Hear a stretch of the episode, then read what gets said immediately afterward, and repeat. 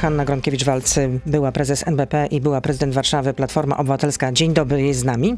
Dzień dobry. Stopy procentowe w górę. Jest pani zaskoczona takim obrotem sytuacji? No bo spodziewano się, że najwcześniej, i to też były takie ostrożne prognozy, to nastąpi w listopadzie.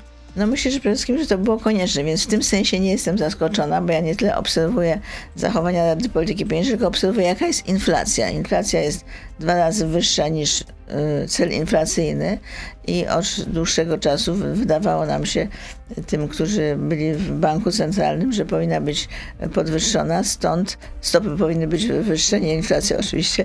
Y, I, i w związku z tym żeśmy taki apel wystosowali do, do prezesa Glapińskiego, że potem będzie coraz trudniej, bo bardzo trudno jest potem wyhamować inflację, bo trzeba mieć wtedy podnieść stopy dużo bardziej wysoko, a... Zdecydowanie, no ale to znaczy, że prezes Glapiński, prezes NBP, czy też Rada Polityki Pieniężnej aktualna posłuchała Belki, posłuchała Balcerowicza, posłuchała Gronkiewicz-Walc, napisaliście, napisaliście taki list, no tam oczywiście odwo odwoływaliście się nawet do Konstytucji, do ustawy o NBP, więc tak, posłuchali was? No to trudno mi powiedzieć, trzeba ich się spytać, ale myślę, że tak to wygląda, jeśli chodzi o czasowe rozwiązanie, żebyśmy napisali za na, następnego dnia e, zostały podniesione, więc nie mamy powodu, żeby tak nie myśleć, aczkolwiek tak szczerze chyba, mówiąc... Chyba sobie trochę pochlebiamy. No, no tam teraz było kilkunastu, to nie tylko byli trzy prezesi. Myślę, że to był naj, naj, najwyższy moment i ta, ta, ta presja na, na, pewno jakieś znaczenie miała z, ze strony członków Rady Polityki Pieniężnej i prezesów NBP byłych e, i myślę, że myśmy się dość cierpliwie czekali z jakąś taką, powiedziałam, z jakimś takim apelem skierowanym do prezesa Glapińskiego. Potem jest coraz trudniej, potem trzeba... A to jest ostatni dzwonek, kiedy można było coś takiego zrobić? Myśmy uważali, że powinno być to wcześniej, ale żeśmy się nie odzywali, bo szanujemy, każdy z nas był prezesem i, i członkiem Rady Polityki Pieniężnej, że należy szanować niezależność Banku Centralnego, ale to, co się dzieje, już wydawało nam się, nam się bardzo niepokojące. Stąd Czyli taka presja, się. można powiedzieć. Była presja, myślę, że ona nie była obojętna. Ile miała procent, to trudno powiedzieć. Teraz wszyscy będą mówić, że premier powiedział rano, ale myśmy powiedzieli poprzedniego dnia wieczorem, a nie rano. E, a żeśmy ten tekst pisali, no w sumie ponad, e, zanim wszyscy to podpisali, około tygodnia. Czyli to nie była taka um, krótka piłka. A w jaki sposób podwyższenie stóp procentowych może y, zahamować galopującą inflację? Bo wiemy, że podrożeją kredyty. I proszę to tak wytłumaczyć, żeby zrozumiał to każdy. Nie ekonomista, ale każdy. Znaczy, jeżeli będzie wyższa cena pieniądza, bo stopa procentowa jest niczym innym, tylko ceną pieniądza, to oczywiście mniej będzie zakupów tego pieniądza, prawda? I, czyli będzie mniej kredytów i Będziemy mniej kupować. W związku z tym tak, tak, tak inflacja się obniży. W związku z tym inflacja się obniży. Ci, którzy planowali inwestycje będą musieli zastanowić jeszcze raz, czy to mi się dalej opłaca. Ci, którzy planowali na przykład wziąć kredyt na zakup, załóżmy mieszkania inwestycyjne, czyli nie, że będą tam mieszkać, bo ci, którzy chcą mieszkać, to oni są dość zdeterminowani, to raczej oni ten kredyt wezmą. Ale ci, którzy y, no, operują na rynku mieszkaniowym, a widać, że tych y, jest coraz więcej takich podmiotów, którzy po prostu ze względu na inflację inwestują w mieszkania, prawda? Czy w domu, czy mieszkania. No tak, skoro nie opłaca się w ogóle mieć lokaty w banku. No właśnie, bo, w związku z. Bo oszczędności są y, na minusie, no to w takim razie ludzie inwestują i kupują yy, na gwałty nieruchomości, bo są takie trzy rzeczy, prawda? Waluty, y, złoty, wła pieniądz własny, czyli złoty i nieruchomości. To są yy, przeciętny yy, człowiek, jeśli ma tylko środki, to kupuje mieszkanie, jeśli nie ma, to się zabezpiecza w dewizach na przykład, prawda? No w, złota, w złotych Czyli spadnie konsumpcja, rozumiem, i dlatego też um, no troszkę konsumpcja, tak? tak? no myślę, że mogą też niektórych przypadkach wpaść inwestycje. Tego to zobaczymy, no bo to tak trudno włożyć, ale tak jest normalne. Ale rozumiem, że odetchnęła Pani trochę z ulgą, tak? No odetchnęłam z ulgą, tak, tak. A wracając do tego, co się dzieje w Pani macierzystej partii, czy efekt Donalda Tuska wyparował? No bo w sondażach to właściwie jest szklany sufit. Najwyższe notowania to 25% i ani Y, procenta, czy nawet pół procenta w górę. No tak, ale kiedy, kiedy Donalda Tuska jeszcze nie było, to było 11%, ja pamiętam. W zasadzie groziło, że może być jednocyfrowa jeszcze. Y, że będzie po platformie. No, że będzie jednocyfrowa, czyli no może nie po, ale z bardzo niskim wynikiem. I w stosunku do historycznych wyników. No i w związku z tym te 25%, jak się udało, to ja jestem naprawdę bardzo zadowolona. A y, pamiętajmy o tym, że y, nie zmienia się poparcie dla PiSu, także nie jest y, takie proste zabranie tych głosów, czy też u, u, widocznie uaktywnienie tych, którzy nie głosują, żeby mieć około 30, ale pamiętajmy też, że cała opozycja ma ponad 30. A pani rozmawiała z Donaldem Tuskiem po powrocie jego do, do tej czynnej polityki? Byłam w kontakcie, tak powiedzmy. tak. No, Doradza mu pani?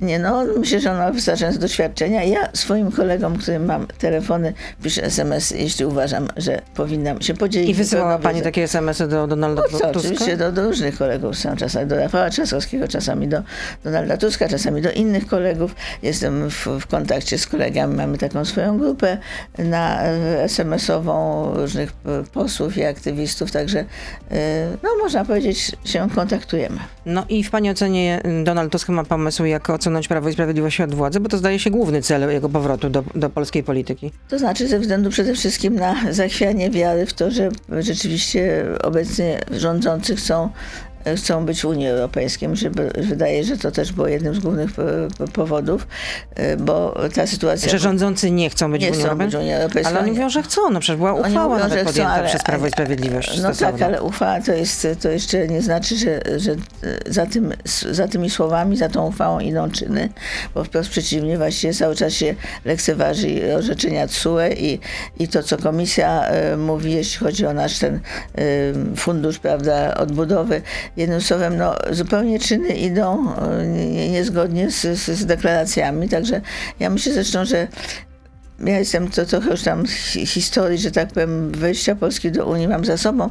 Ja, ja uważam zresztą, że ówczesne PC, bo to jeszcze PiSu nie było, że gdyby Jan Paweł II nie powiedział w Sejmie, że od Unii Lubelskiej do Unii Europejskiej, to by namawiali do, do głosowania przeciwko referendum i byśmy wtedy nie weszli w 2000, e, w którym roku, tam, wracam... 2004, ale referendum było wcześniej. Wracam do swojego pytania. Czy Donald Tusk ma y, jasny plan ja muszę powiedzieć, że y, y, na bieżąco z kolegami się tak zupełnie z jasnego planu, w ogóle planu nie, nie konsultuję, natomiast sądzę, że ma taki plan i głównie chodzi mu o, przede wszystkim o to, żeby Polska była, y, miała określone pozycje w Unii Europejskiej, no oczywiście też te rzeczy, które zaproponował wtedy, kiedy mówił o, o, o programie. A może wie Pani, kiedy ten program poznamy? Takie już szczegóły. Pani, programu nie można poznawać tuż przed na długo przed wyborami. Wybory, wszystko wskazuje na to, będą dopiero w roku 2023. W związku z tym no, całego programu nikt nie pokaże wcześniej, tylko on jest Na ostatnią chwilę. No nie na ostatnią chwilę, ale w każdym razie no, w czasie kampanii wyborczej tak, tak jest. No to tyle w części radiowej. Hanna Gronkiewicz-Walc oczywiście z nami zostaje. Jesteśmy na Facebooku, na Radio ZPL, więc proszę zostać z nami. Beata Lubecka, e, zapraszam. I jako się rzekło, była prezydent Warszawy i e, była prezes NBP jest z nami. Podobno nowy przewodniczący PO, na razie jeszcze przewodniczącego Donald Tusk, stawia y, y, ludzi do pionu. Coś pani słyszała? Nie brakuje osób, które są, czują, że, że mają zagrożoną pozycję.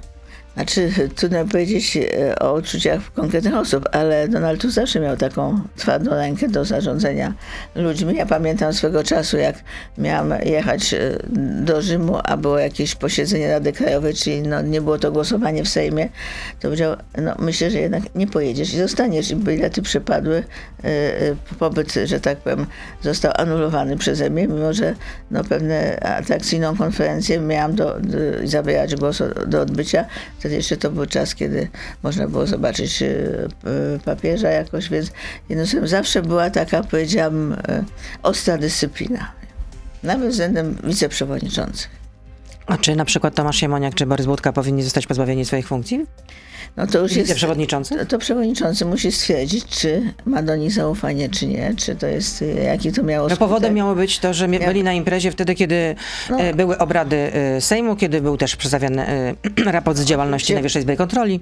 Oczywiście powinni wykonywać swoje obowiązki. Czy to jaka, jaka konkretnie sankcja? Ja nie jestem w Sejmie, w związku z tym, jakie to miało znaczenie dla reszty posłów i senatorów i dla wizerunku partii, to już musi ocenić PO przewodniczący. A gdyby to od pani zależało, to co by pani doradzała? E, no ja myślę, że, mm, że to był taki, taki przypadek, powiedziałam, który no, najwyższa sankcja nie musi być. Znaczy nie, nie, nie muszą być przyzwyczajeni, pozbawieni y, wiceprzewodniczący, zwłaszcza, że za niedługo będą wybory i y, przewodniczący zaproponuje wiceprzewodniczących i członków zarządu. Także y, myślę, że byłoby to do października za dużo, już październik w zasadzie jest za dużo za, zamieszania, gdyby ich Czyli powinni zostać w zarządzie. Y, powinni zostać do czasu nowych wyborów, a wtedy będzie jak gdyby nowe rozdanie. Czy wtedy zostaną, czy nie, to jest inna sprawa. No, podobno y, też teraz jest tak, że młodzi politycy Koalicji Obywatelskiej do tej pory, którzy mogli, mieli bardzo dużą swobodę w działaniu, no teraz muszą się konsultować, muszą swoje, muszą, muszą swoje działania uzgadniać z kierownictwem. Wie pani, zawsze tak było. Ja pamiętam taką działanie, jak ja podjęłam w sensie, y, w sensie powiedziałabym, kiedy byłam w mieście. Ale nie dotyczy to obsad, u mnie, u mnie nie dotyczy ani obsady personalnej, ani głównie merytorycznych kwestii, ale pamiętam, że kiedyś coś y, żeśmy mm, szybko y, zdecydowali, jeśli chodzi, nie wiem, czy to przedszkola, czy coś i wtedy y, Donald powiedział, ale nie zapominaj, że jesteś częścią większego projektu. Bo ja jestem bardzo taka, byłam niezależna, byłam jako prezydent, byłam pewnie niezależna, jako prezydent też muszę powiedzieć, miałam wolną rękę, ale w momencie nie powiedział mi nie rób czegoś, tego nigdy nie było, ale nie zapominaj, że jesteś częścią większego projektu. To, to Rafał Trzaskowski też będzie musiał działać pod dyktando y, To nie jest dyktando, to jest- jako prezydent to jest, Warszawy? To jest dyktando, nie, ja nie działam nigdy pod dyktando i wszyscy moi wiceprezydenci byli absolutnie przeze mnie wybrani w każdym momencie. No, ale jako część większego projektu. jako część większego projektu, żeby nie przeciwdziałać, żeby wziąć pod uwagę, jakie są programy, jaki jest program i co powinniśmy, że tak powiem, realizować. Ja Czyli nigdy, samowolki Donald Tusk nie toleruje. Nigdy nie tolerował. Odkąd ja jestem w partii, ja jestem od roku 2005. A jaką partią jest aktualnie Platforma Obywatelska?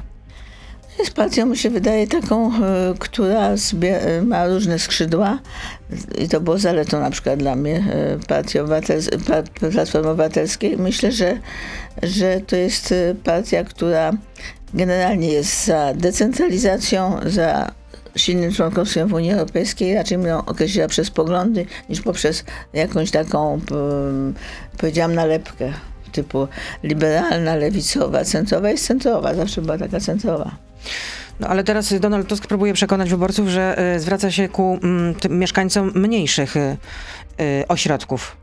Tak, i trzeba o nich dbać. Ja sama się... Skoro ta konwencja w Płońsku, a nie w Warszawie. No tak, no myślę, że... I że co, wyborcy w to uwierzą? Że nagle po prostu Donald Tusk i jego współpracownicy tak będą przyglądać się i pochylą się nad problemami y, ludzi, którzy mieszkają, Polaków i Polek, którzy mieszkają, y, które mieszkają w mniejszych ośrodkach. No myślę, że oni podchy- pochylali się, pochylaliśmy się nad innymi mniejszymi miastami. Nie, tylko no, żeśmy no, tego nie najważniejsze były artykułowali. metropole, które miały być lokomotywami dla reszty. No takie, był, takie było założenie w tym pierwszym projekcie, które opracował jeszcze Michał Bonita.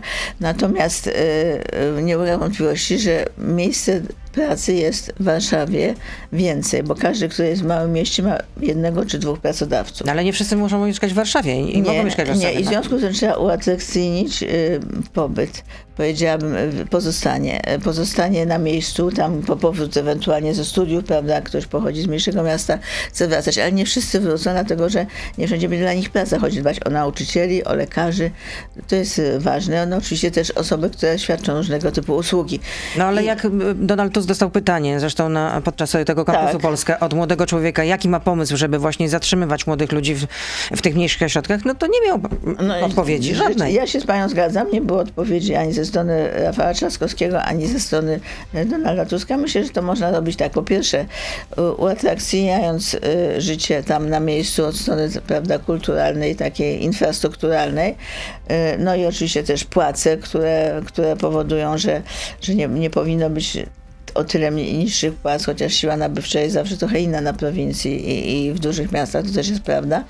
No i też ja sobie tak pomyślałam kiedyś, jak, jak e, mieszkałam niedaleko Albert Hall, co są... W Londynie. Tak, w Londynie. To, Piękna hala widowiskowa. tak, no to Sala pan, codziennie, codziennie były autokary z prowincji. Czyli samorząd, który jest tam w jakimś mie- miejscowości X, powinien po pierwsze pokryć, po części ludzie mogą zapłacić i przyjeżdża się do pierwszego, pierwszej jakości ośrodka kulturalnego. Co można robić do teatru.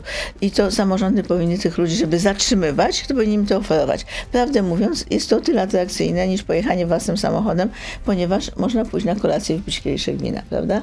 Y, A czego, już nie można, jeśli ktoś sam pojedzie, no bo ktoś musi się zawsze poświęcić, prawda? Jeśli jakaś... y, y, Myśli pani, że to takie największe aspiracje tych Ja myślę, że którzy- dla części osób że kultura- przyjechali do sali kongresowej, która zresztą nie może Nie, doczekać nie, nie końca kongresowej, ale do Teatru Nowego, do Teatru Narodowego, do Teatru Polskiego. Tam są wspaniałe sztuki. W związku z tym ja mówię, jak, jak ich przybliżyć w ten sposób. Natomiast trzeba też atrakcyjnie, musi być wysoki poziom szkol, e, Ale pani, tyle ludzi się dostaje. Ja teraz mam do czynienia ze studentami na studia ze szkół prowincjonalnych, nazwijmy je tak, e, czyli ze średnich liceów z małych miast, że naprawdę e, ten poziom szko- szkolnictwa jest chyba całkiem dobry i w miastach średnich. Ja pytałam mnie przez przypadek o to, jaką e, teraz jest partią Platforma Obywatelska, ponieważ wyborcy mają z, z tym problem, jak ją spozycjonować, jak ją postrzegać, jak ją umieścić e, na takim hory- horyzoncie politycznym. 22,7%, czyli 23%, czy powiedzmy no co, e, przepraszam bardzo, co czwarty ankietowany, nie potrafi jednoznacznie określić, czy, to piąty, między czwartym a piątym, nie potrafi jednoznacznie określić, jaką partią jest Platforma. Ja myślę, że mm, często ludzie dokonują wyborów w oparciu o zaufanie do pojedynczych osób, bez względu na, te, na to, jakie, z jakiej oni są partii. W związku z tym, gdyby nawet ktoś był z partii i inny, ale ktoś ma zaufanie, prawda, nie określając, czy to jest lewicowa, centrowa, czy prawicowa, to, to zagłosuje na tą osobę. I w zależności od tego powiedziałam, jakie, ja- jakie ma zaufanie do jego kompetencji. Ja na przykład głosowałam do Europarlamentu na, e, zanim jeszcze była Platforma oczywiście, na, e, czyli przed 2005 roku, na osoby, jeśli chodzi o Europarlament, bo chciałam, żeby ktoś znał dobrze języki, żeby był skuteczny, wykształcony. Na to na kogo pani głosowała? Na Geremka w Warszawie. No to, to już... No tak, ja wiem, pani, ale myślę, że wiele osób się kieruje tym. I myślę, że Dobrze, to prezydent jest- wygrał e, wybory, dlatego że wiele osób, które nie miało poglądów lewicowych, na niego zagłosowało wtedy. No, to wtedy myślę, że również m, pana e, ówczesnego prezydenta Lecha Wałęsy też pognębiło to jego, że mogę panu podać nogi, a nie rękę, więc to też ludzie mogą No jak tak, tam... to prawda. Takie- to na pewno jest takie- masa krytyczna, która Takie, takie wydawałoby się błahe incydenty mogą jednak przesądzić o szali zwycięstwa na jedną albo na drugą stronę. ja Może pytam nie przez przypadek, jak pani to postrzega, ponieważ e, jeśli no, więcej badanych, czyli prawie 20, e, ponad 27% postrzega Platformę jako formację lewicową. 27, no, ale to jest tylko 27, to nawet nie jest jedna trzecia. Część pewnie jako centrową, a część po prostu jako... e, A dla pani to jest partia bardziej Ja uważam, że jest centrowa. Ja centrowo-lewicowa czy centrowo-prawicowa? To jest, że tak powiem, ciekawe pytanie, bo myśmy bardzo zmienili od strony gospodarczej. Nasz program zaczął być bardzo socjalny w pewnym momencie. Zresztą w Warszawie na to nie zwracano uwagi, ale też okazał się dużo bardziej socjalny. I Ale jaki, czas- ale jaki socjalny? No, to, to, No wie pan, na przykład budowa... To, Donald Tusk mówił, że Ewa Kopacz miała przygotowane już proszę bardzo projekty w sprawie 500+, a, do, a, Ewa Kopacz mówiła nie- wyraźnie ja przed wyborami, że nie ma pieniędzy po prostu, Nie- że tylko nie ona mówiła, również Rostowski mówił, że No tak, ale- pieniędzy nie ma i nie będzie. Tak, ale wie pani, ale za to było da- darmowe przedszkola, prawda? Poza, poza wyżywieniem. Wiem, bo, bo sama to robiłam. Następnie było budowanie mieszkań komunalnych, jeśli chodzi o Warszawie. Rafał Trzaskowski to kontynuuje. No i jeszcze taka jedna rzecz, a już wiem, i najdłuższy bezpłatny urlop macierzyński w Europie. W związku z tym myśmy raczej inwestowali w usługi publiczne dostępne dla wszystkich, a nie dawali do kieszeni na przykład 500 czy ileś tam złotych, prawda? A No widocznie Polakom bardziej to też dostaną do kieszeni i mogą sobie wtedy sami decydować, na co te pieniądze przeznaczą. E, No, to prawda, ale jest pytanie w związku z tym, co z, co z, co z przedszkolami, co ze żłobkami. Jest pytanie, co z komunikacją miejską, za ile będzie większość ludzi jednak powinna jeździć e, komunikacją miejską. Chodzi o to, żeby to było przystępne. W związku z tym jest 50 zł dla osoby przy, w Warszawie 60, 65+. Plus. No i, i oczywiście e, odpowiednie połączenia, żeby nie, nie wydawać na drożejącą benzynę. Mój mąż już zapłacił wczoraj ponad 6 zł za litr. A krzyże powinny y, wisieć w miejscach publicznych, pani zdaniem? Wie pani, y, myślę, że jeśli chodzi o prywa- prywatne szk- szkoły, y, to powinni decydować rodzice. Natomiast jeśli chodzi o szkoły publiczne, to jest taki bardzo ciekawy wyrok Europejskiego Trybunału Praw Człowieka, kiedy Finka skarżyła e, we Włoszech mieszkająca, że w szkołach publicznych we Włoszech są krzyże i w drugiej instancji przegrała tą sprawę, bo y, uzasadnienie było takie, w Strasburgu przegrała, uzasadnienie było takie, że to nie jest tylko element religijny, ale również kulturowy. I takie mam orzeczenie ze Strasburga. Ale nie odpowiedziała pani na pytanie. Czy No. krzyże powinny wisi- wisieć w miejscach Ja publicznych? W urzędach, w szkołach, Uważam, w Sejmie? Że, uważam, no w Sejmie to ta historia się taka ciągnie. Powiedziałam, że to pokryjomu, nie powinny być wieszane pokryjomu. Ja uważam, że społeczność, e, to jest, mi się bardzo nie podobało, prawda? W te, co ileś lat temu no, tak nastąpiło. Ja uważam, że to jest kwestia uzgodnienia pewnej wspólnoty. No są szkoły katolickie, e, no to oczywiście tam będzie wisiał. Jak Czyli w urzędach nie powinno być, a w szkołach też nie, tak? Ja, szkołach, ja, ja uważam, w że szkołach w szkołach, publicznych nie. Że, że w szkołach publicznych, jeżeli jest taka decyzja rodziców w większości, to, to powinny być, natomiast w urzędach to nie. Nie czuję, żeby w urzędzie, bo nawiasem mówiąc, e, sprawowałam dwa urzędy wysokie i w NBP, prezes i prezydent, nigdy nie miałam krzyża wiszącego w moim gabinecie. Zawsze przychodziłam z pewnym, że tak powiem, rodzina, obrazek sentymentalny do określonego świętego i stawiałam go na biureczko. Jak zaczynałam pracę, to postawiłam. Jak, jak, jak kończyłam pracę, to brałam i pakowałam i nikt nie Ale musiał zdejmować krzyży. Nie, nie, po zakończeniu pracy. No to Już tak definitywnie po zakończeniu Definitywnie, tak. Nikt nie musiał po mnie zdejmować krzyża ani w NBP, ani w, w urzędzie. pracy. Błażej Poboże pyta, wiceminister MSWiA, że ma do pani pytanie, jedno, i zadaje je od ponad roku i nigdy nie dostamy odpowiedzi, tak pisze Błażej Poboże. Kiedy stawi się pani przed Komisją do spraw reprywatyzacji w Warszawie? Nie, nie, nie, nie stawię się, bo, y, że tak powiem, wystawi się przed organem, który mnie wzywa, już jeden z organów mnie wezwał, w związku z tym się stawiłam, byłam przesłuchana w charakterze świadka, także tam Przed jakim organem? przed prokuratorem. Czyli przed Komisją reprywatyzacyjną się pani No nie wie sta... pani, A dlaczego w zasadzie, w zasadzie, bo to jest, y, uważam, polityczna komisja, no. Ale czego się pani obawia? Ja się niczego nie obawiam, ja po prostu uważam, że powinnam przestrzegać prawa i że, że ona... A to byłaby okazja, żeby po prostu stanąć publicznie i powiedzieć, y, No, oni, co ma pani marzą o tym, oni marzą o tym, żeby stanąć publicznie, natomiast y, mi się wydaje, że jeżeli uchylił, y, uchyla większość wyroków wo- Wojewódzki Sąd Administracyjny Komisji, to znaczy, że ona z tym orzekaniem ma problem, skoro większość wyroków zostało poza chyba jednym czy dwoma uchylonych. Czyli Błażej Poboże nie doczeka się pani przed Komisją Znaczy, reprywatyzacyjną. Bo, bo, nie wiem, dlaczego bardziej Poboże, który jest moim kolegą, nazwijmy to kolegą uniwersyteckim, e, nie rozumie tego, bo, bo wobec niego jakieś wyższe standardy stawiała. A jak się sprawuje w, lo- w roli prezydenta Warszawy Rafał Trzaskowski, pani zdaniem? No myślę, że on się e, dość dobrze sprawuje, w tym sensie, że e, kontynuuje rzeczy, które były wcześniej, znaczy niekoniecznie przeze mnie, bo Muzeum, Muzeum Sztuki Nowoczesnej jako koncepcja była jeszcze przez, przez moich poprzedników, konkretnie Zalecha Kaczyńskiego, więc kontynuuje te rzeczy, które uważa za słuszne. Ma pomysły oczywiście na, na e, te rzeczy takie socjalne, chociażby żłobki, e, które no, w dużo większym zakresie działają niż wtedy, kiedy ja kończyłam, bo dużo więcej miejsc wykupuje. No i myślę, że, że, że reprezentuje w zasadzie samorządy e, na wielu różnych spotkaniach i ma dobre kontakty z zagranicą, czy z Paryżem, czy, czy, z, czy z Berlinem, czy, czy z innymi podmiotami, e, które no, mm, jak gdyby mają koncepcję, jak powinny wyglądać nowoczesne miasta. Miasta, które powinny być neutralne klimatycznie, powinny być inteligentne. On te wszystkie rozwiązania nowe wprowadza. No o ta strefa relaksu, która była na placu bankowym przed... Wie pani, ja jej osobiście nie Centrum. widziałam oprócz zdjęcia, prawda? Ścisłe centrum, obok są tramwaje, generalnie jeżdżą często samochody w tej, we w tej, tam po prostu często się No, też no, korkuje ten odcinek, No a bo- tutaj strefa relaksu. No, Stevelak, ale to on wydał na to, no ktoś powie, że milion złotych jest dużo, dla jednych jest dużo, dla, w skali budżetu nie jest mało. Może powinna być bardziej trafiona i inne jakieś otoczenia, ale to są naprawdę, uważam, to są drobiazgi, to takie trochę czepianie. No, ale milion mieć, a nie mieć, no to, to jest jednak... To prawda, ale... Tym bardziej, że ale słyszymy, że samorządy dostaną jednak po kieszeni w związku z tym, że, No tak, ale wtedy, wtedy jeszcze nie było Nowego Ładu, czy tam jak on się nazywa, który... Polski Ład. Polski Polski Ład, Ład tak. się nazywa. No, prezydent teraz sadził ostatnio y, drzewa przy Marszałkowskiej. Plany są takie, żeby po obydwu stronach Marszałkowskiej tak pojawiają się takie podwójne szpalery drzew. No dobrze, każde drzewo jest dobre, bo więcej mamy mniej CO2 i więcej, że tak powiem, e, więcej powietrza, co tlenu. No to dlaczego za czasów pani rządów y, ścięto 230 tysięcy drzew, jak mówiła w kampanii wyborczej Justyna Glusman, która wtedy kandydowała na prezydenta w 2018 roku, prezydenta Warszawy z ramienia ruchów miejskich. Ale mi się wydaje, że wtedy co najmniej tyle samo posadzono.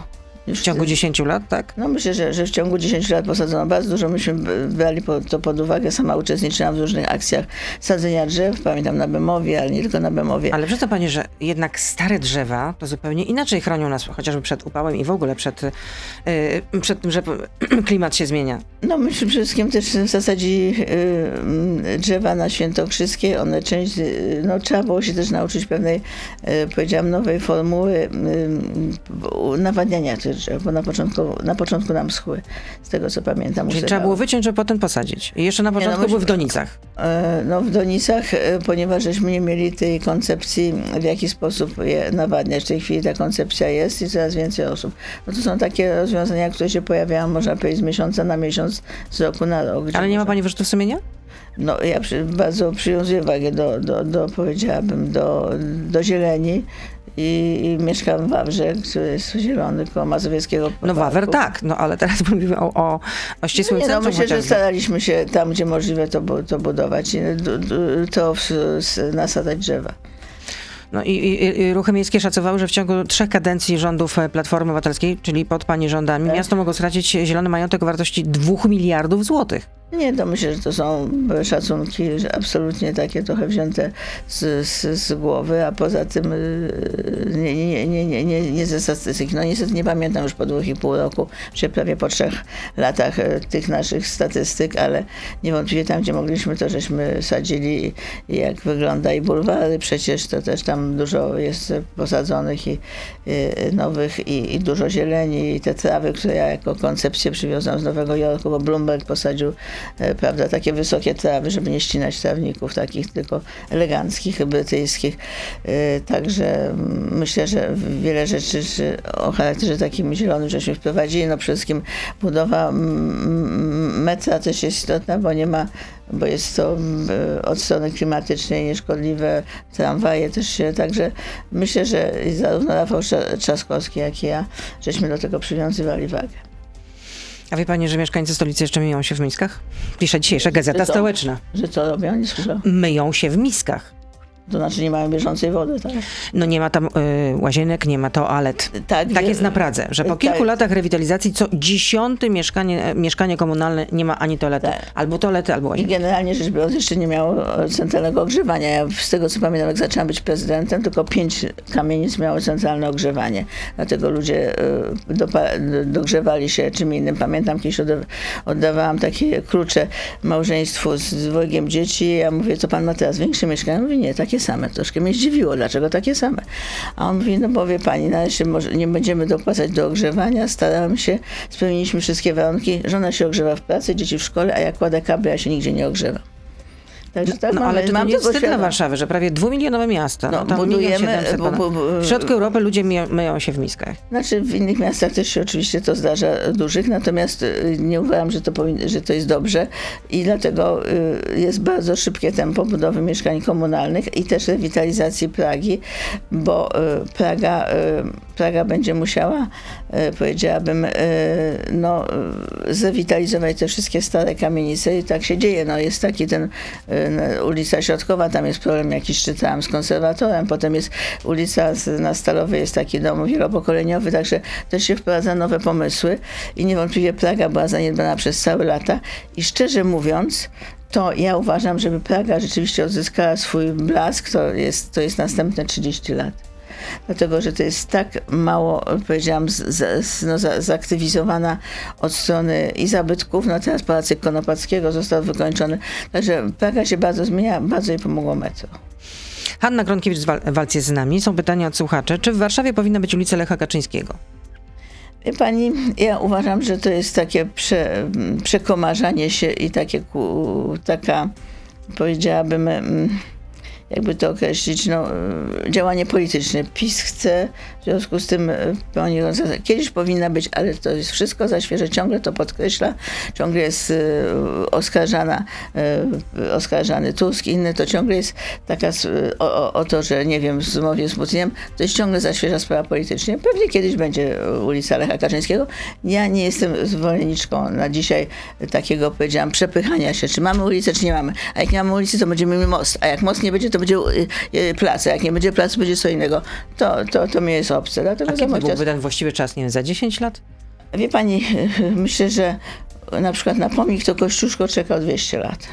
Ja dopiero postawiłam przed Pałacem Lubomierskim, a... Czyli za 200 lat to byłby ten Nie, ja nie mówię, że za 200 lat. Ja mówię, że wszystko ma swój czas. Nie wydaje mi się, żeby tak e, relacje były takie pokojowe między różnymi grupami. Państwo, społeczeństwo jest bardzo podzielone. Nie, nie dodawajmy do tego następnego e, powodu do podziału. Bartek pyta, czy planuje pani e, powrót do polityki? Chodzi mi konkretnie o start w wyborach, na przykład do Sejmu, Senatu, Parlamentu Unii Europejskiej. Ja zawsze decyduję w momencie, kiedy e, powiedziałabym, kiedy jest taki czas już tuż przed jakimiś wyborami. Myślę, że, że dużo jest nowych ludzi, którzy chcą działać w polityce. Naprawdę nie mam na temat zdania. Jestem szczęśliwa, że mogę e, na uczelni uczyć, e, tak jak uczyłam przez ostatnie 40 parę lat. I to jest e, głównie moją misją. Plus ta, daje mi satysfakcję ta praca w Brukseli. No. No właśnie, na czym polega pa- pani, ta pani praca w Brukseli? Myśmy opracowali taki raport, raport, że będzie 100 miast y, na dwóch... Bo pani jest tam przewodniczącą misji doradczej klimatyczno-neutralnej, Tak. klimatyczno-neutralne i inteligentne miasta przy Komisji Europejskiej. Tak, także to jest, y, powiedziałabym, y, w roku 2030 uważamy, że powinno być wybrane 100 miast z całej Europy, które będą neutralnie klimatycznie, czyli tyle, ile będzie zanieczyszczenia, tyle będzie, y, tyle będzie mm, powiedziałam, podjętych działań, żeby ono w sumie było na zero. I to jest misja klimatyczna neutralnie. y, neut- Co to znaczy na zero? To znaczy, że, że te wszystkie zanieczyszczenia, zanieczyszczenia które są, y, prawda, w emisjach Będą gazów zredukowane do- będą zredukowane do zera poprzez działania y, w danych, powiedziałam, różnych podmiotach, ale też również poprzez sadzenie zieleni też. Także, y, bo to też się wszystko przelicza. No i myśmy taki raport opracowali, on teraz już jest, będzie implementowany od, od y, przyszłego miesiąca, a przede wszystkim w roku 2022, żeby te, y, i one będą miały taką specjalną ścieżkę y, inwestowania i dostawania grantów bądź pożyczek z Europejskiego Banku Inwestycyjnego. I Miasta, Każdy, tak, tak? miasta, miasta. Y, różnej wielkości, bo to nie dotyczy wcale dużych miast, raczej dotyczy średnich miast. Wiem, że miasta wstrzykują się na te środki, na przykład miasta szwedzkie, duńskie, już takie zaawansowane, miasta holenderskie, również francuskie. No, mam nadzieję, że też y, nasze miasta się do tego zgłoszą. Jestem w kontakcie ze Związkiem Miast Polskich i i z Unią Metropolii. Mam nadzieję, że one też się zgłoszą. A ile zarabia szefowa takiej misji, jak pani? Proszę, ile? Ile zarabia szefowa misji? O, my jesteśmy płaceni jako diety, y, czyli zbieramy się albo na, na cały dzień, albo zbieramy się na pół dnia. Ostatnio na pół dnia przez ostatnie lata. I, Online? E, online, tak. No, najpierw żeśmy jeździli, póki nie było pandemii, potem wszyscy się pozamykali. To jest za pół dnia 225 euro. Ale oczywiście przygotowanie, czy to już niezależnie od wszystkiego, czytanie tych materiałów i tak dalej, które przysyłają komisja. Jacek, Nie jest to jakiś nadzwyczajny majątek, ale jest to godziwa zapłata. y, Jacek pyta, jak wieloletnia wykładowczyni prawa na Uniwersytecie Warszawskim, doktor prawa, nie mogła zauważyć, że ktoś robi, mm, tak to jest napisane, przekręty z kamienicami. Szef bez butów chodzi? Czyli pani, ja przede wszystkim e, miałam tych e, prawników, powiedziałabym, e, odziedziczyłam po poprzednikach, nie zmieniałam ich. Uważałam, że skoro jestem po Lechu Kaczyńskim, to znaczy, że tam jest dobry porządek zrobiony już wcześniej, zwłaszcza, że był robiony. I, i uważałam, że te osoby są godne zaufania. Jak na razie, no to zobaczymy, ile osób będzie ewentualnie, e, że tak powiem, skazanych. Myślę, że nie rozwiązaliśmy problemu reprywatyzacji, że to, co zrobiło PiS, nie jest żadnym rozwiązaniem, bo to jest takie, powiedziałam, zatrzymanie y, i w zasadzie tylko narażenie się na różne napięcia w stosunkach międzynarodowych. Ja mogę powiedzieć tak, y, z projekt ustawy reprywatyzacyjnej złożyłam swego czasu, nie było na to środków za naszych rządów. Potem złożyłam projekt ustawy reprywatyzacyjnej zamrażającej, powiedziałam, zwroty tam, gdzie są publiczne miejsca. Dało to asum do orzeczenia Trybunału Konstytucyjnego, na podstawie którego posługuje się nim PiS, e, ale w sposób taki nie do końca zgodnie z duchem tej, tego orzeczenia. No i w tej chwili nie ma sprawy, w zasadzie e, można powiedzieć nikt nie zwraca, sądy z tego Ale nie żałuje pani, że nie, że, że nie przyjrzała się pani temu bliżej? Generalnie, że... Pani, y, myśmy y, musieli y, z, z, przede wszystkim mieliśmy kary nakładane przez WSA, w sumie kilka milionów kar za to, żeśmy nie wydawali orzeczeń. Generalnie miasto musi mieć wyjaśnione. Pani wspomniała o Pradze. Praga jest w takiej sytuacji, że tam będzie wiele niewyjaśnionych, bo zatrzymano tę prywatyzację. Przy czym dostawali na Pradze spadkobiercy również wielu rodzin żydowskich. Nie, nie tylko Polaków oczywiście, ale to wynika z, z, z że tak powiem, z, z, samych nazwisk spadkobierców, prawda? I z tym, gdzie oni przebywali. Praga na razie się nie, nie będzie dalej rozwijać w tych miejscach, których nie będzie rozwiązane prawda? Czy, czy do kogo to należy? Skarb państwa, samorząd, czy prywatny no, kiedy kwestie właścicielskie będą Trzeba to załatwić. Także myślę, że, że, że sprawa nie została rozwiązana. Y, czy te osoby, które ewentualnie y, mm, będą miały, czy mają już niektóre akty oskarżenia, no, będą osądzone przez niezawisłe sądy. Tyle mogę powiedzieć. Y, reprywatyzacja nam się rzeczywiście nie udała w porównaniu z Czechami, z Węgrami, bo oni to mieli za sobą już kilka lat potem. Także to, to, jest, to jest bardzo specyficzne, powiedziałabym, prawo, jeśli chodzi o, bo dekret Majera, 11 artykułów, wszystko zależało do orzecznictwa sądowego, a tego się nie da przewidzieć. Daniel pyta, co pani sądzi o nowoczesnej teorii monetarnej masowym dodruku pieniądza oraz często łączonym z tym bezwarunkowym dochodem podstawowym? No, to by trzeba było mm, policzyć ten bezwarunkowy dochód podstawowy. Nawet Angela Merkel w pewnym momencie zaczęła na ten temat mówić, czy nas na to stać jako państwo. No to już ja tych narzędzi na razie nie mam, co sądzę. To nie jest nierealne, ale boję się, że, że mm, brak motywacji do, do pracy też nie jest e, rozwojowy dla jednostki, e, że tak powiem, czyli dla osoby fizycznej, bo mogą być z tym problemy. Zobaczymy, jak wyjdą na te państwa, które, które zastosowały to. E, nie jedno z państw skandynawskich zastosowało ten dochód. Natomiast jeśli chodzi A masowy o dodruk? Masowy jestem przeciwna. Z tym, że też jest przeciwna, jestem w czasie kryzysu takim sztywnym regułom, że, że nie ma żadnych, powiedziałabym, działań takich, jak podejmowały Stany Zjednoczone, czy teraz w Europejskim Banku Centralnym zaczął od Mario Draghi pierwszy. To znaczy, że kupowanie tych obligacji, które są emitowane przez poszczególne państwa, to się udało. Dzięki temu E, został, został e, kryzys zażegnany, ale trzeba wtedy umieć powiedzieć stop. To jest tak jak ktoś, kto nałogowo pije alkohol, czy nałogowo pije kawę, w pewnym momencie zaczyna to szkodzić, e, nie wiem, żołądkowi bądź, bądź innemu, innym organom. W związku z tym trzeba mieć wtedy dyscyplinę, żeby to zatrzymać. No, a jak się nie ma dyscypliny, to się rodzi hiperinflacja. To wszystko zależy, kto to stosuje, w jaki sposób. Mario Draghi rzeczywiście zarzucił powiedziałam dotychczasową taką niemiecką sztywną politykę budżetową. Y, on był z, prawda, z Włochem, który pracował dla amerykańskich banków. I myślę, że Stany Zjednoczone zawsze ratują, począwszy od Roosevelta, produkowują pieniądze, tylko oni mają pieniądz światowy. To nie jest złotówka. Czyli mają, my tezauryzujemy w dolarach, Afryka tezauryzuje w dolarach, Azja w dolarach. Oni mogą sobie na to pozwolić. Kiedyś jak Greenspan przyjechał do nas do NBP, to powiedział tak, a ile u was jest w materacach? A ja my nie wiemy, bo to są materace. Ale jakbyś tak rzuciła e, jakąś liczbę, to ja mówię, no 6, powiedzieli mi koledzy 6 miliardów dolarów. No to to nie wpływa na ich inflację. A u nas każdy dodryk, no u nas nie będą Niemcy, czy Europejski Bank Centralny, czy Stany Zjednoczone tezaurysowali złotych polskich. A to, że Adam Glapiński chce dodatkowo dokupić y, złoto, ja tak, żeby, żeby to zastanowiło 10% rezerw walutowych NBP, to jest dobry pomysł? Wie pani, to wszystko zależy od tego, jakie oni mają prognozy, jeśli chodzi o ceny złota. Bo jeśli będą nadal rosły, no to oczywiście to jest korzystne. Natomiast no, ktoś sprzedaje te złoto, tak się nad tym zastanawiałam. Ja byłam pierwszą, która kupiła po bardzo długim okresie trochę złota i wiem, że część Rady Polityki Mierzy mnie bardzo za to skrytykowała, ale myśmy na tym zarobili e, w, w, w, w efekcie, bo wtedy jak tworzy się Europejski Bank Centralny, to bardzo spadła cena złota, jak to wtedy żeśmy wykorzystali, bo pozbywały się te banki centralne swoich zapasów, części swoich zapasów.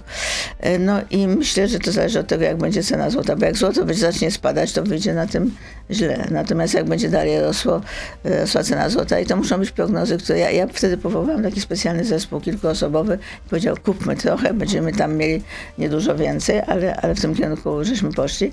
A, ale mówię, niektórzy uważali, że to był błąd po czasie mogę powiedzieć, nie był błąd, bo żeśmy na tym zarobili.